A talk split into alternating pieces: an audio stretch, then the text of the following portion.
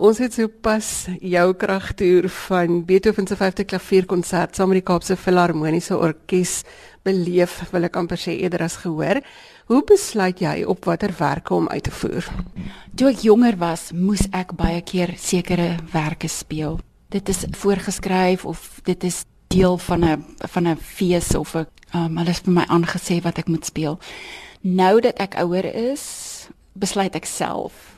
So daar's so 'n lys stukke wat ek besluit ek speel en gelukkig is dit heeltemal my keuse. Dit is interessant dat die werke wat jy in jou solo program gaan doen, daar's elemente van kruisbestuiving van komponiste waar een komponis 'n ander een se se werke gebruik. Byvoorbeeld in die heller komposisie is variasies gebaseer op die tema van Beethoven. Net so gebruik dog nou nie elemente van Brahms. Het jy dit se beplan? Al my opnames wat ek gedoen het, ek het 5 opnames tot dusver gemaak en hulle is almal transkripsies. So dit is altyd werke wat herskryf is vir solo klavier. Um, ek dink een van die dinge wat vir ons die moeilikste is as pianiste, is dat ons nie 'n simfonie kan speel nie of ons kan nie um, van die lieders speel nie want jy het 'n sanger nodig of 'n hele orkes nodig of met my transkripsies het ek um, 'n manier gekry om al die stukke wat ek nog altyd wou speel te kan speel wat iemand anders vir my herskryf het vir klavier. So dit dit is 'n soort van ehm um, soos die Engelsman sal sê 'n guilty pleasure dat ons die goed kan speel wat jy gewoonlik na luister en sê o, dis so mooi. Nou kan die solo klavier dit ook speel. Die Chinese pianis lank lank het gesê mens moet passie, dissipline en verbeelding hê om 'n suksesvolle loopbaan as uitvoerende kunstenaar te hê. Wat sou jy sê is die eienskappe waaroor mens moet beskik? Ehm um, hardkoppigheid.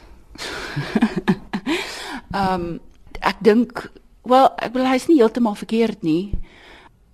Maar ek dink dis baie meer as dit. Dis baie dieper as dit. En um partykeer spot ek dan sê ek as mense in die tronke is en hulle doen iets verkeerd, dan kry hulle um veral in Amerika dan kry hulle solitary confinement. Dan sit hulle in alleen in 'n kamer, nê. En en ons spandeer die helfte van ons lewe of meer 80% van ons lewe in solitary confinement want ons is alleen wat ons sit en oefen. So um Ek dink jy moet soort van van jou eie geselskap hou. Dit help ook. die komponiste wat uitstaan of wat uitgestaan het deur die eeue heen. Hulle het almal ietsie anders in hulle werke gedoen vir hulle tyd. Kan jy dit as pianis ook doen? Nee, want in, in klassieke musiek het word vreeslik vinnig soort van 'n uh, 'n uh, 'n uh, gimmick ek weet nie eers wat die Afrikaanse woord vir dit is nie.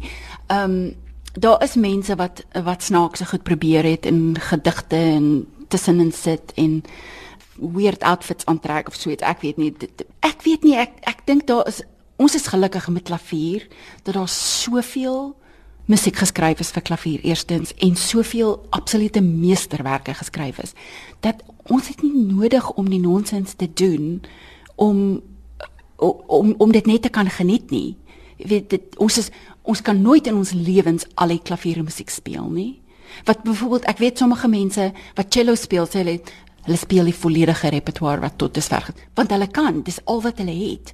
Ons kan amper ons kan amper nie deur dit kom in 'n leeftyd nie. So daar's baie klem op balans in die samelewing deesdae. Kan 'n mens balans hê as jy in die uitvoerende kunste is? dis keuses. Jy wil jy, jy besluit vandag doen ek ABC en môre doen ek DEF. Jy weet dit is soos enige iemand werk toe gaan, gaan oefen ek.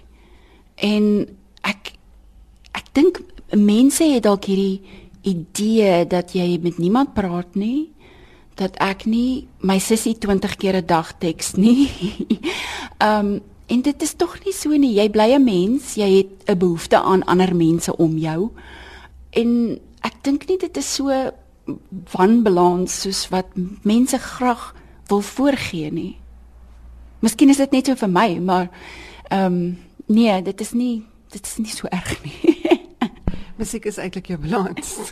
Is daar enige ander mylpale of doelwitte van stukke en werke wat jy nog sal wil speel? Eish. Ehm um, nee, alles wat ek my hele lewe lank werk het nog so.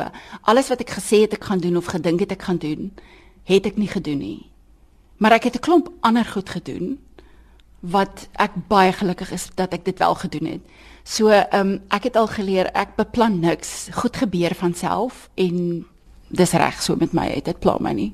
Het jy voorkeur aan sekere komponiste? Mozart, Mozart, Mozart, altyd Mozart.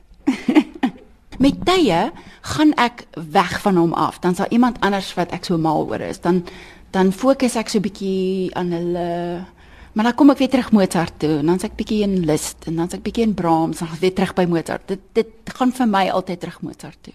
Ek het iewers gelees dat jy 'n besondere koneksie met Liszt het. Daleen Matthee het toe ek 12 of 13 was, het ek eendag vir haar gaan klavier speel by haar huis. En ehm um, want sy het klavierles gegee voor sy voltyds begin skryf het. Toe gaan speel ek vir haar. En toe ek klaar speel, toe vat sy my hand, toe sê sy vir my: "Ek kyk na jou palm en in jou vorige lewe was jy een van Liszt se mistresses." En dit het op op my 12-jarige kop 'n geweldige impak gehad. En ehm um, en I I ran with it. Ek is nou nog het ek besluit Liszt is die man vir my.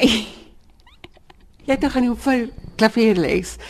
Hoe voel jy oor musiekontwikkeling met jong mense?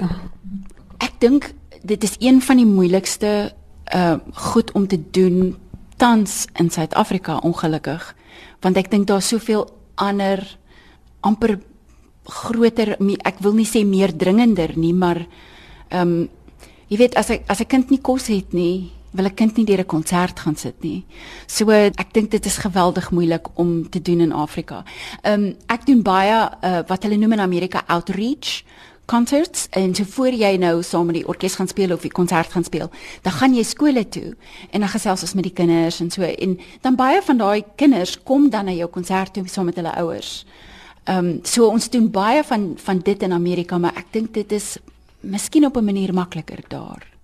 Ek dink ons almal wonder wat maak dat Petronel wat klavier speel, dat sy uitstaan dat sy 'n wêreldklas komponis word teenoor iemand anders wat net gewoon klavier speel in sy voorkamer. Behalwe vir die musikaliteit wat vir jou natuurlik kom, wat is jou raad vir ander aspirant pianiste? Daar is nie net een manier om dit te doen nie die pad wat ek gestap het is nie noodwendig die pad wat vir iemand anders werk nie. En ek kan dit nie genoeg beklemtoon nie want mense sê vir my maar jy is oor see na matriek en jy daai graad gaan doen. Ek wil dit ook gaan sê dit werk nie so vir almal nie. Jy moet kyk wat werk vir jou. So ek dink dit is een van die moeilikste goeie soort van om jou eie pad te vind. En gelukkig vandag met die internet en met al die die maklike kommunikasie met oorsee dink ek dis makliker vir vir leerders om hulle pad oorsee te vind as as dit is waarheen hulle wil gaan. Maar ehm um, dit is 'n groot aanpassing om na 'n ander land te trek. Um, as ek dit vandag moet doen, dink ek nie ek sou kon nie. Toe ek dit gedoen het, was ek 17, dit was maklik. 17 is enige ding, nê? Maar ehm um, ja, dit is dit is moeilik om te doen en Suid-Afrika is 'n unieke kultuur en ek is bevoorreg genoeg om ten minste twee keer 'n jaar huis toe te vlieg en my gesin te kom kuier. So kom jy net werk? Nee, glad nie. Ek kom Suid-Afrika toe baie keer in 'n groot geheim en net my naaste vriende weet ek is hier. Ehm um, en ek gaan ek kuier met my maale, ons gaan plaas toe. Ek en my sussie tref die winkels en ons gaan koop goeders, shopping spree.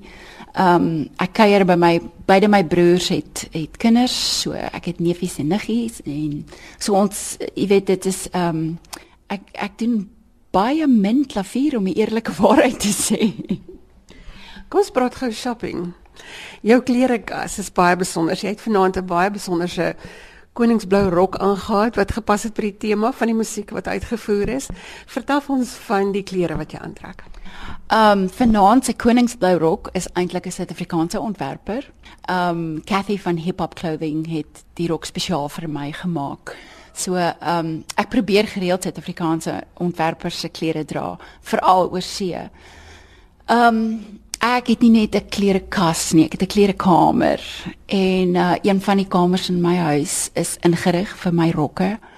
Dis moeilik om vir jou te sê hoeveel rokke ek het, want die nommer verander altyd. Ek het so een rek daar wat al my vriendinne wat 'n rok skielik nodig het vir 'n formele event of 'n of 'n konsert of 'n ding kan 'n rok omvat. As hy pas, mag jy hom kry. Dan gee mense vir my klere. Dat vanaand 'n vrou vir my 'n rok gebring wat haar ma se was. Dit is so mooi. Ehm um, so mense gee die hele tyd vir my klere. Mense pos vir my klere. Ehm um, dit is dit is 'n permanente ehm um, soort van 'n voltydse werk om om my klere in orde te hou vir konserte. Want jy hou daarvan om in vintage op te tree.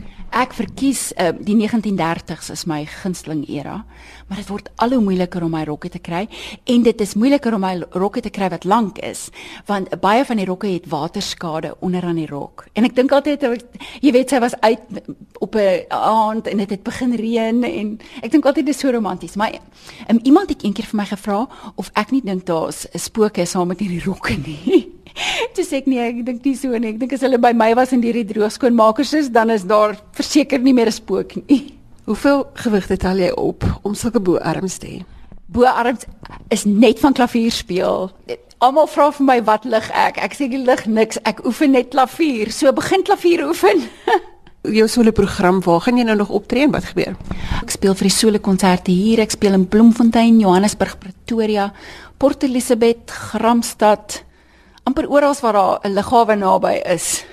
Jy het sopas eh, Beethoven se 5de klavierkonsert gespeel. Gee dit jou energie of put dit jou uit?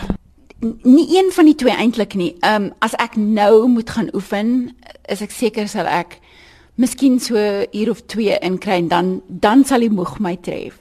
Maar op op hierdie stadium is ek kan aangaan, ek kan nog speel. Jy weet, ek dink dit is presies dieselfde as mense byvoorbeeld kyk vir Usain Bolt wat hardloop. Hy hardloop net vir 10 sekondes.